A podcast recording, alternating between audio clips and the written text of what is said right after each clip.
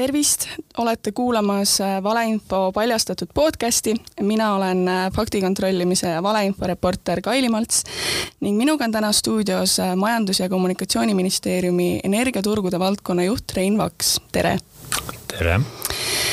Nii, milleks ma täna äh, teid siia kutsusin, põhjus selles, et äh, viimasel ajal on äh, sotsiaalmeedias palju juttu elektrihindadest ja sellest, kuidas me oleme energiaturul ja kuna need elektrihinnad on niivõrd kõrged, siis sellega seonduvalt on täiesti õigustatult ka inimestel paha tuju. ehk siis levib palju informatsiooni sellest, kuidas turg jutumärkides tegelikult toimub, ehk siis minu ülesanne on ette võtta need erinevad väited, info, mis võib-olla on kuidagi eksitav või koguni vale ja rääkida natukene lahti, kuidas siis asjad tegelikult käivad. ja alustaks äh, sellest kõige klassikalisemast, et äh, kui me räägime turust, siis me ilmselt kõik mõtleme esimesena sellele, kuidas äh, turul hind tuleb ostjate ja müüjate huvi tulemusel. kuidas töötab elektriturg? elektriturg on päris palju analoogne sellega, mida me tegelikult nii-öelda nagu noh, ma ei tea, Nõmmele lähme turule või, või, või, või äh, kuhu, kuhu iganes nagu mujal, et äh, elektriturg on, äh, on, on üsna värske nähtus meil siin Euroopa Liidus tegelikult noh, võrreldes teiste, mm, teiste riikidega. Ja, ja, ja meie elektriturg ju tegelikult toimib niimoodi, et, et äh, meil on siis nii-öelda börsi või turuoperaator Nord Pool. Mm, Põhjamaades, Põhjamaades ta tegelikult asub ja ta on laienenud siia Balti riikidesse ja kogu, kogu Euroopa Liidus pakub oma teenuseid. ja sinna turule on siis võimalik igal tootjal, kes siis on börsi liige, oma tootmispakkumine teha. see on see pakkumise pool. teiselt poolt on siis vastu nõudlus. Et, et kui palju nüüd üks või teine tarbija elektrienergiat tahab. teatavasti elektriturul, elektrisüsteemis tervikuna on niimoodi, et sul peab olema tarbimise rahuldamiseks alati ka mingi toodang olemas. ja täna süsteem niimoodi käibki, et ähm, noh, meile kõigile, meie, meie kõigi tarbijatele teadaolev süsteem on siis nii-öelda nagu päev ette süsteem, kus siis iga müüja, kes siis esindab tarbijat, esitab börsile oma prognoosi tarbimisest ja tootjad siis seevastu jälle ütlevad, et noh, et kui palju nemad on, missuguse raha eest on nemad nõus seda tarbimist rahuldama, kui palju on nad siis nõus seda elektrienergiat tootma. ja, ja, ja sellel hetkel, kui nõudlus ja viimane pakkuja kohtuvad kõveral, tekib ka selle tunni hind. niimoodi kakskümmend neli tundi järjest, terve päeva peal. Need, need hinnad teavitatakse ette äh, igal päeval umbes kell kaks. ametlik on tegelikult, et kell kaks teatatakse, aga mõnikord on ka niimoodi, et on tõesti juba kümme minutit enne kahte ja siis selle järgi saabki siis tarbija otsustada. nii, minul on nüüd börsipakett, mina täna näen Nord Poolist, et homse päeva kella kümnest on kõige soodsam elektri hind. ma siis hakkan, ma ei tea, mis iganes nagu elektri, elektrit tarbima ja, ja noh nagu ma ütlen, sisuliselt nagu iga, igasugune teine turg. ja, ja, ja, ja tundub, et on siiamaani väga hästi toiminud. mis siin nagu juurde peab ütlema, on see, et ega neid lõpphindu ei paku ainult nii-öelda klassikalised elektritootjad. korsten suitseb ja, ja ma ei tea, tuulikud käivad, eks ju, vaid neid lõpphindu võib pakkuda ka tarbija ütleb, et äh, nõus, ma näen, et, äh, et elektri hinnad turul on päris kõrgeks alanenud ja ma olen nõus enda tarbimisest loobuma näiteks eelmine talv me nägime väga hästi, kuidas, kuidas me jõudsime tuhande eurose turuhinnani ja noh, tõenäoliselt seesamane tuhat hind tuligi mõne tarbija juurest, kes ütles, et olgu, hind on päris kõrge süsteem on stressis. ma olen nõus oma tarbimisest loobuma, aga ole hea, ma tahan selle eest tuhat eurot megavatt-tunnist saada. et noh, ta on selline hea paindlik instrument tegelikult ja, ja, ja tänaseni on ta noh, minu hinnangul täitsa okeilt töötanud mm. -hmm. see ongi siis see klassik, klassikaline turg, millest kõik räägivad, on ju, et äh, pakkumine, nõudlus, kõik see, aga kui meil on suvi, meil on kolmkümmend kraadi, kust siis äh, on tulnud see kõrge hind, kui idee poolest seda nõudlust peaks ju vähem olema? Uh, jah, eks see soe ilm võib-olla on teisest otsast ka energianälja tekitaja, et kõik tahavad siin konditsioneere ilusti järel hoida ja, ja, ja, ja ka tööstus tegelikult ju tarbib ka suvel täiesti, täiesti korralikult. ja need kuumad ilmad tegelikult töötavad vastu sellele nõudluse vähenemisele. ja, ja noh, ausalt öeldes, kuskohast täna see kõrge hind on tulnud, on see, et gaasi hind on kallis ja, ja enamus meie tipukoormusest, kui tuult ei ole, päikest ei paista. Äh, meil enamus sellest tippkoormusest toodetakse gaasi elektrijaamadega. ja noh, rusikareegel on täna selline, et elektri hind gaasijaamas on siis kahekordne gaasi hind. ja kui täna näeme, et gaasi hind on umbes kakssada eurot megavatt-tund, siis elektri hind on umbes nelisada eurot megavatt-tund. et noh, see on see turu nagu eripära, et, et noh, selline nii-öelda safety net, et, et tagada tarbijale kõige parem hind, antakse kõige viimasele pakkujale õigus hinda teha. ja see jällegi tähendab seda, et ükski pakkuja ei saa teoorias maksimaalset tulu endale küsida, vaid ta peab kaalutama, minimaalse kuluga selle pakkumise tegema, sest et vastasel juhul jääb, jääb võimalus, et keegi teine pakub tast üle ja ta jääb välja turult. ja noh, see ongi kogu selle turu, turu üldine põhimõte. ja, ja mis võib-olla tänast, tänast ilma ja, ja, ja turuolukorda üldse tervikuna iseloomustab, on ka see, et ega tuult ongi vähe tuult ongi vähe ja noh, päikest iseenesest on täitsa, täitsa korralikult, eks ju, aga, aga, aga kui tuul ei puhu, ega siis me ka näeme, et elektrihinnad on äärmiselt kõrged. ja, ja kolmas aspekt võib-olla siia juurde, et päris paljud elektrijaamad kõigis regiooni riikides on hoolduses. Nad on hoolduses selleks, et talveks valmistuda, mis tähendab, et meil jällegi turu peal nii palju võimsust ei ole, võib-olla peaks olema. see viib hinnad jällegi kõrgeks ära mm. -hmm ma olen ise ka uurinud enne selle ähm, hinna kujunemise kohta ja üks asi, mis mulle ja ka paljudele sotsiaalmeedia kasutajatele silma jäi ja millest võib-olla ka palju trotsi on tulnud, on see, et elektri hind kujuneb viimase pakkuja järgi. miks see niimoodi käib? See viimase pakkuja loogika on, on, on puhtalt selles, et ta noh, ta on kõige parem mehhanism selleks, et hoida kõiki pakkujaid mm, varvastel. Ja, ja nad suudaksid siis, kõik pakkujad suudaksid oma parima pakkumise ära teha, et keegi ei suudaks utoopilisi pakkumisi teha sest et alati on risk, et keegi teine teeb tast siis sellisel juhul parema pakkumise ja tema jääb oma tulust absoluutselt ilma. et noh, see on nagu selle viimase tulija eh, marginaalkulude põhimõte kogu selles süsteemis. ja siin polegi, antud juhul ei ole siin mitte midagi parata, kui elektrisüsteem ongi selliselt üles ehitatud, et, et need viimased kilovatt-tunnid toodetakse gaasist ja gaasi hind on kallis, ega siis ei saagi sealt rohkemat välja pigistada, kui see hind, mis me praegu näeme mm. -hmm kas, äh, ja see on nüüd sellepärast, et äh, me teame, et turusüsteem on Nord Pooli all, ähm, riik on öelnud välja, et sinna ei sekku, aga palju räägitakse sellest, et äh, kui ongi üks päev meil siin meeletu hind ja teine päev jällegi rekordiliselt madal, siis kas ei saa näiteks Konkurentsiamet sekkuda? see on see üldine turuloogika kogu Euroopa Liidus ka, et ähm, mida vähem on regulaatori sekkumist vabal turul toimimisel, seda, seda parem. see loogika on tegelikult selles suhtes hästi loogiline, et, et ja hästi mõistlik, et vabandust, et me peame ju tagama, et, et need investeeringud tuleksid energiapoliitika järgi turumajanduse vaatest. ja kui ja turumajandusse regulaator liiga palju sekkub, ega siis ei julgeta teha neid investeeringuid ka. sest tegelikult mille pärast me täna selles hädas oleme, on ju see, et meil ju ei ole neid tootmisi, mis siis kütusevabalt taastuvatest allikatest midagi toodavad. Neid ei ole piisavalt.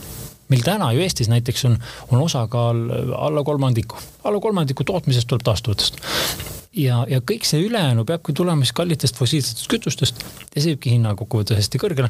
ja, ja no viimane info kasvõi ongi see, et no meil eile just õppisid, eile just ähm,, eelmine nädal just avalikustati siis äh, vähempakkumise tulemused, valitsus kinnitas need ära, eks ju. mis tähendab, et alates kahekümne kuuendast aastast tuleb meil poole teravatt-tunni ulatuses uut uut elektrienergiatoodangut peale. Pool teravatt-tundi aastas kakskümmend kuus on, on suhteliselt korralik tulemus, arvestades, et noh, näiteks kodutarbijaid on meil aastas umbes kaks teravatt-tundi, mitte rohkem, eks. Noh, see panustab hästi palju sellesse, et sul on e-, energiat rohkem pakkuda, mis tähendab omakorda, et turuhinnad peaks loogika järgi nagu madalamaks minema. Mm. -hmm see, et riik ei saa vabasse turumajandusse sekkuda, aga tuuakse kogu aeg vastuargument, et aga Eesti Energia on ju riiklik ettevõte ja ta osaleb ka turul, siis kõlab nagu riik lõikaks kasumit sealt mm. -hmm kuidas see toimub? kas riik ei saaks reguleerida seda, mis Eesti Energia teeb või millist hinda pakub? see ongi selle turu, turu eripära, et, et noh, kui sa, kui sa ühele turuosalisele ütled, et tee nüüd niimoodi, siis see ei tähenda, et ülejäänud turg teeb niimoodi mm. -hmm. et selles mõttes Eesti Energia on nagu üks turuosaline kogu regioonis. ja, ja ma julgen öelda, et, et Eesti Energia ei kujunda turuhinda äh, noh, ühesõnaga, et ütleme nii, et Eesti Energia pärast ei ole meil hinnad nii kõrged mm. -hmm. Eesti Energial gaasisüste-, gaasil töötavaid jaamu ei ole. Eesti Energia jaamad töötavad põlevkivil, kuutegaasil, biomassil ja ja nemad tulevad siis noh, turule lihtsalt öeldes hinna, siis kui, siis kui pakkumine on umbes ähm,, umbes sinna sada, sada kuuskümmend, sada seitsekümmend eurot megavatt-tund, eks. alla selle nad lihtsalt ei ole konkurentsivõimelised, nad ei tule. aga, aga kõik, mis sealt ülespoole jääb, see tehakse siis, seda ilma siis tehakse ülejäänud tootjate poole pealt. Või siis ka tarbijate poole pealt, nagu ma enne selgitasin, eks ju, et, et sa lihtsalt äh, jätad oma elektrienergia tarbimata ja saad selle eest raha. et, et see nagu ei töötaks, kui me, kui me läheme ühe turuosalise kallale ja ütleme, et nii, ole hea, tee nüüd niimoodi, et noh, see, see ei ole nagu loogiline, see ei aita mitte kuidagi, esiteks ja teiseks. noh, see, see oleks nagu teatud ulatuses turumanipulatsioon ja see noh, ei ole lihtsalt õige mm. -hmm Te ütlesite, et äh, Eesti Energia seda äh, hinda pole kõrgeks ajanud küsimus, mis on viimase nädalaga olnud äh, palju üleval ja mida küsis ka näiteks äh, Sandor Liive äh, Vikerhommikus, et kus see elektrijaam siis asub, mis selle elektri hinna kõrgeks viib mm? -hmm see on hea küsimus. E, noh, ma ütlen, et ega see ei pruugi alati olla ka elektrijaam, mis selle hinna kõrgeks viib, et, et, et, et variante on ka teisi need andmed Nord Poolis on noh, selles mõttes need pakkumise andmed on, on, on noh, nii-öelda nagu poolavalikud, eks ju, me küll ei näe, kes see seal taga on, aga me näeme, missuguse sammuga, kus missuguseks tunniks on pakkumisi tehtud mm,. mina julgen öelda, et, et, et noh, arvestades seda olukorda, kus meil regioonis sellised baaskoormused täna on enamuses, enamuses hoolduses selleks, et valmistuda talveks. seda hooldust peab tegema, muidu on talvel lihtsalt nagu kitsas käes, eks ju et, et neid kõrgeid hindu teevadki sellised reservelektrijaamad, mida, mida, mida tavaliselt töösse ei panda ja mille tööle panemine on kallis. ja sealt see lõplik, lõplik kallis hind tuleneb. et kui seda, seda varianti ei ole, siis, siis süsteemis, siis süsteemis lihtsalt ei oleks elektrit ja süsteem oleks tasakaalus ja see ei ole okei okay. mm. -hmm. Ähm palju süüdistatakse hinnatõusus ka äh, rohepööret ja see on selline valeinfo, selline kolmnurk, kus on siis, äh, meil on soe ilm, äh, väidetakse, et see soe ilm on kestnud hästi kaua, pikal perioodil ja järsku on välja mõeldud, et see kliima soojenesti, kliima soojenemine on ju, mille tulemusel on tehtud rohepööre, mille tulemusel on meil kõrged elektrihinnad. kuidas see turul ikkagi toimib? Ma arvan, et see kõrge hinna süü ei ole mitte see, et meil, meil, meil on taastuvenergiat tulnud, vaid, vaid see, et meil ei ole taastuvenergiat piisavalt palju. et, et noh, see, mida me siin näeme, on ju, on ju see, noh, gaasielektrijaamad teevad hinda. kui meil oleks endal olemas oluliselt rohkem taastuvenergiat, kütusevabat energiat mis siis on regioonis nii-öelda laiali määritud, eks ju, et noh, et igal pool, igal pool ikka sellist olukorda ei ole, et sul tuul ei puhu, noh, võrgud kannavad sul seda energiat edasi ja, ja, ja ühes regiooni otsas on ilusti head, head olud ja teises otsas võib-olla ei ole, eks ju, et see tasakaalustab iseennast. Ja kui neid, kui neid tootmisüksusi oleks meil rohkem salvestust sinna juurde panna, siis ma usun, et me noh, need ülikõrged tipud saaksime kindlasti siin maha, et noh, sellest me tegelikult puudust tunneme, ma ei julge kuidagi nii kaugele minna, et rohepööre on kõiges selles süüdi, absoluutselt mitte, et rohepööre ei aja täna gaasihindu kõrgeks. otse vastupidi, pigem rohepööre on aidanud kaasa gaasihindade vähenemisele läbi selle, et ta siis rohepöörde on siis kasutusele võetud teisi alternatiivseid küttemeetmeid, soojuspumbad, elektrienergia, eks ju, läbi selle ja, ja see selles mõttes nagu toimib või siis biomass meie puhul väga hästi on siin aidanud kaasa. et, et rohepööre pigem minu hinnangul aitab, aitab seda hinda kontrolli all hoida, nii palju kui seda võimalik on, aga loomulikult seda rohepöörde rusikat suurust oleks vaja oluliselt suuremaks ka teha mm. -hmm. tulen nüüd äh, Euroopa peale, et äh, palju ma näen seda, kuidas inimesed võrdlevad Eesti riiki teiste Euroopa Liidu riikidega, näiteks Prantsusmaa, Saksamaa. Äh, millal sellised võrdlused pädevad, et äh, millal me saame võrrelda väikest riiki nagu Eesti suurte riikidega, kas see on õigustatud, kuidas see taaskord turumajanduse juures töötab, et äh, me räägime, räägitakse Euroopa Liidust ja siis räägitakse järsku mingist turupiirkonnast, et äkki saad selle mulle veidi lahti seletada? Sellist asja nagu Eesti elektriturg ei ole olemas, et äh, me toimime siin ähm, ühises turus, noh sisuliselt me toimime ühises turus Balti riikides Soomega. teatud ulatuses Põhjamaad, Põhjamaad äh, mõjutavad meid päris tugevasti ja ka Kesk-Euroopa. mis siin hakkab mängima, on nende regioonide vaheline äh, ühendatus, ehk siis kui palju on regioonide ja riikide vahel piltlikult öeldes juhtmeid. ja kui jämedad need juhtmed on, kui palju siis ühest riigist teise seda elektrienergiat äh, pääseb. kui me täna näiteks vaatame, äh, milline on Eesti hinnapiirkonnas päev ette hind ja milline see on Lätis-Leedus, siis me näeme, et Läti-Leedu on reeglina oluliselt kallimate hindadega kui meie. ja see ongi puhtalt sellepärast, et, äh, et Eesti ja Läti vahel ongi, ongi elektrijuhtmeid on piisavalt vähe, et sealt kogu see elekter, mida lätlased ja leedukad vajavad selleks, et oma süsteemi tasakaalus hoida. lihtsalt see, see, see odav elekter siitpoolt ei mahu läbi. ja, ja sealt see kallis hind neile ka tuleb kokkuvõttes ma arvan, et see võrdluse, võrdluse koht on kohane ainult, ainult sellisel juhul, kui, ähm, kui me võrdleme väga sarnaseid piirkondi. piirkondades on erinevad maksud elektrile, erinevad võrgutasud, erinevad, erinevad reeglid ja, ja see kõik nagu kokkuvõttes tegelikult mõjutab seda, seda võrdlusbaasi ja noh, me ei saa, me ei saa siin nagu niimoodi öelda, et, et noh, et aga prantslased teevad niimoodi, eks ju, et noh, et aga miks Eesti siis niimoodi või et soomlased teevad niimoodi või, või, või, või, või, või siis näiteks Norra, eks ju, et Norras on väga palju hüdroenergiat ja, ja sisuliselt tasuta elekter käes, eks ju, no ka nemad on täna hädas. et igal riigil on oma eripärad ja, ja sellist ühelaadset võrdusmärki äh, nendele eripäradele kuidagi ei saa vahele panna mm. -hmm. Um riikidest, sellest regioonist siis rääkides äh, natuke juba puudutasite ka, aga äh, ongi see, et äh, miks siis ikkagi riigiti see nii palju erineb äh,, just Soome ja Eesti, kui me oleme selles samas piirkonnas mm? -hmm. põhjus on elektrienergia tootmisviisides. vabandust ähm,, soomlastel on baaskoormuse tagamiseks reeglina tuumavõimekus selgelt olemas. tuumaenergia on soodne, seda saab jooksvalt pikalt toota, mm, tootmishäiringuid ei ole on ka soomlastel võimalus Rootsist midagi, midagi head saada, eks ju, suhteliselt odavalt. ja, ja, ja, ja sealt need hinnad hakkavadki erinevad, et nüüd, kui, kui me siin arvestame veel juurde selle Äh, nii-öelda juhtme paksuse Eesti ja Soome vahel. Äh, meil on, meil on Estlinke kokku kaks tükki ja võimsusega tuhat megavatti, siis enamus ajast on need äh, koormatud ja enamus ajast jääb sealt ka puudu.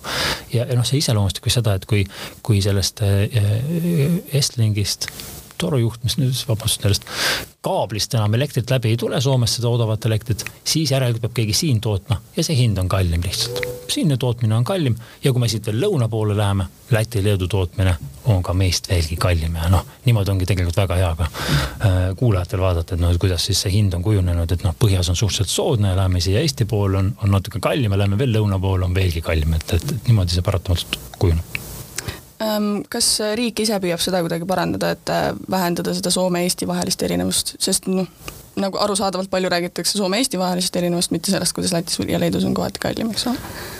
tõsi, meil ähm,, meil on selline süsteem, et ähm, kui riikidevaheline hinnaerinevus on piisavalt suur, siis äh,, siis sellest hinnaerinevusest saadud osaline tulu liigub süsteemihalduri poole. süsteemihaldur kasutab seda tulu selleks, et seda pudelikaela likvideerida. nii-öelda suuremad juhtmed sinna saada. ja täna ongi meie süsteemihaldur Elering tegutsemas selle nimel, et, et, et, et tuleks veel täiendavaid võimsuseid Soome ja Eesti vahel.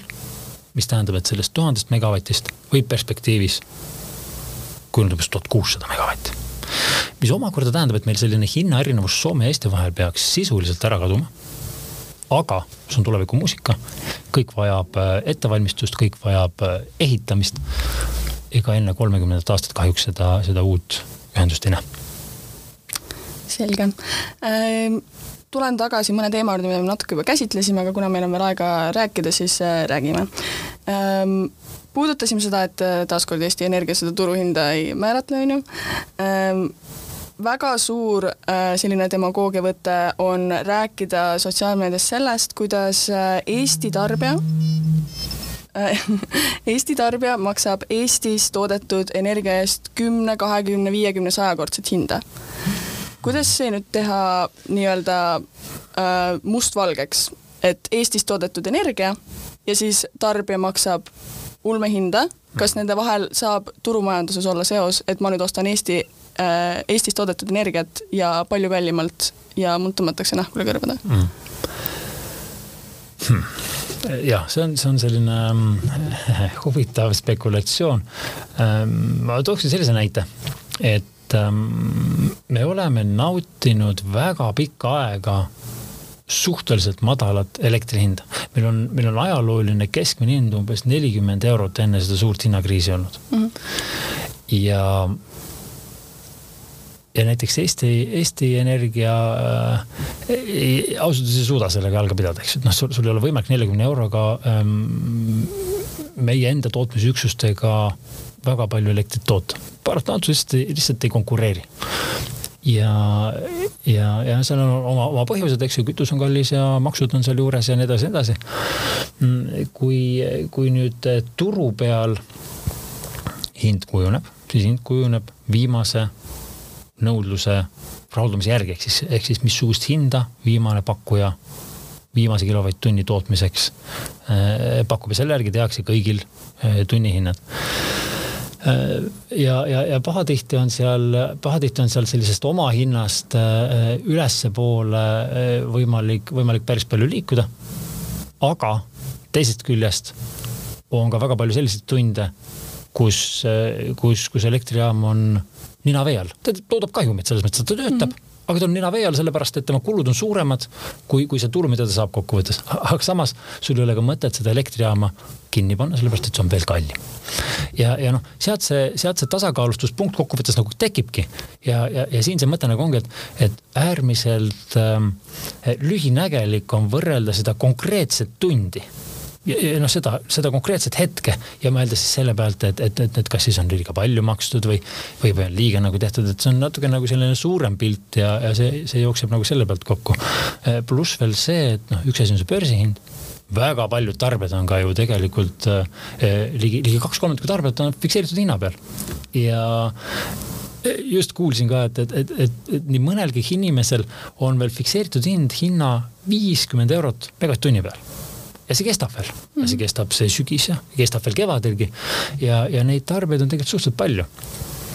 aga kas see kulu peab olema kuskilt kaetud? Ehk siis, kui me nagu seda suurt pilti vaatame, siis elektritootja peab tagama, et tal on olemas päev ette võimsused, saab seal kõik ära toota, et tal on juba ette ära müüdud võimsused, millel on oma kulu olemas. ja, ja noh, sellest selline optimaalne lahendus kokkuvõttes kujunebki, sellest see turu, turumudeli äh, võlu, võlu seisnebki, et, et noh, äärmiselt lühinägelik on vaadata seda ühte tundi, siin peab kahjuks või õnneks vaatama tervet pilti mm. -hmm nagu ma saan õigesti aru, siis äh, need, kes on praegu börsil, börsipaketiga, maksavad kõrget hinda, äh, laias laastus maksavad kinni ka nende hinda, kes äh, maksavad seda tunnihinda, mis on fikseeritud paketis? mitte päriselt, et, et noh, eks börsihinnaga on ka ju niimoodi, et et, et noh, et korra on ta siin äärmiselt kõrge olnud mm. -hmm. aga samal hetkel on ta väga-väga madal jällegi ja, ja noh, siin ongi selline müüjarisk tegelikult kokkuvõttes ja, ja tootjarisk ise ka, et, et, et noh, sa paned oma elektrijaama tööle siis, kui see on sulle mõistlik. Vastasel juhul sa seda ei, ei, ei kasuta, tulu ei teeni, eks ju, pigem vastupidi, sa teenid kahju.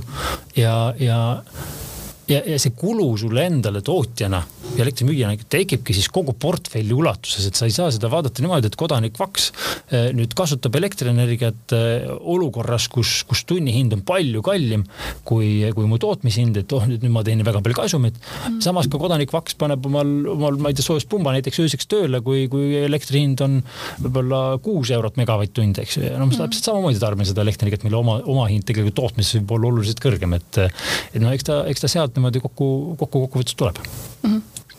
okei okay, äh,, viimase küsimusena ähm,.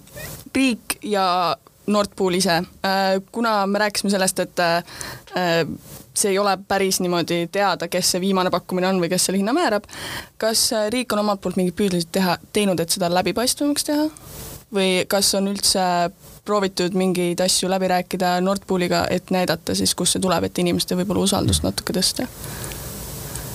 Siis viimase hinnakriisis on see usaldus tõesti kõikuma löönud börsivaatest ja nii mõnigi turuosaline on siin arvamust avaldanud, et, et kas peaks üldse kogu selle süsteemi prügikasti viskama, vähemalt peaks siis siin mingisuguseid muudatusi tegema, et kindlasti regulaatorid, regiooni regulaatorid, kes siis kõik Nord Poolis osalevad Äh, nende riikide regulaatorid on, on ka Nord Pooliga ühendust pidamas ja, ja ka Euroopa Komisjoni tasandil igasuguseid mõtteid siin täna toimub selleks, et seda, seda mudelit natukene üle vaadata. Äh, vajadusel üle vaadata, eks ju, ja, ja noh, kuulata ära vähemalt, et missugused need mõtted on et see tegevus toimub ja, ja on ta siis, on ta siis nii-öelda nagu näiline või tegelik. mulle endale pigem tundub, et siin tõsiselt tahetakse mingisuguseid muudatusi teha, aga teiselt poolt on meil jällegi vastas see, et, et kui nüüd väga järsult minna suhteliselt noort süsteemi ümber tegema, siis see jällegi pärsib seda investeeringukindlust. ja nagu ma ütlesin, mida vähem meil tootmisvõimsustesse investeeritakse, seda raskem on meil ka selle hinnaga toime tulla, seda kõrgemad on meil ka kokkuvõttes hinnad. et eh, noh, see on nagu mündi kaks poolt, eks ju, et noh, ühest otsast on, on mõistlik ja vajalik eh, konsultatsioone pidada, et siin, et siin parim lahendus leida.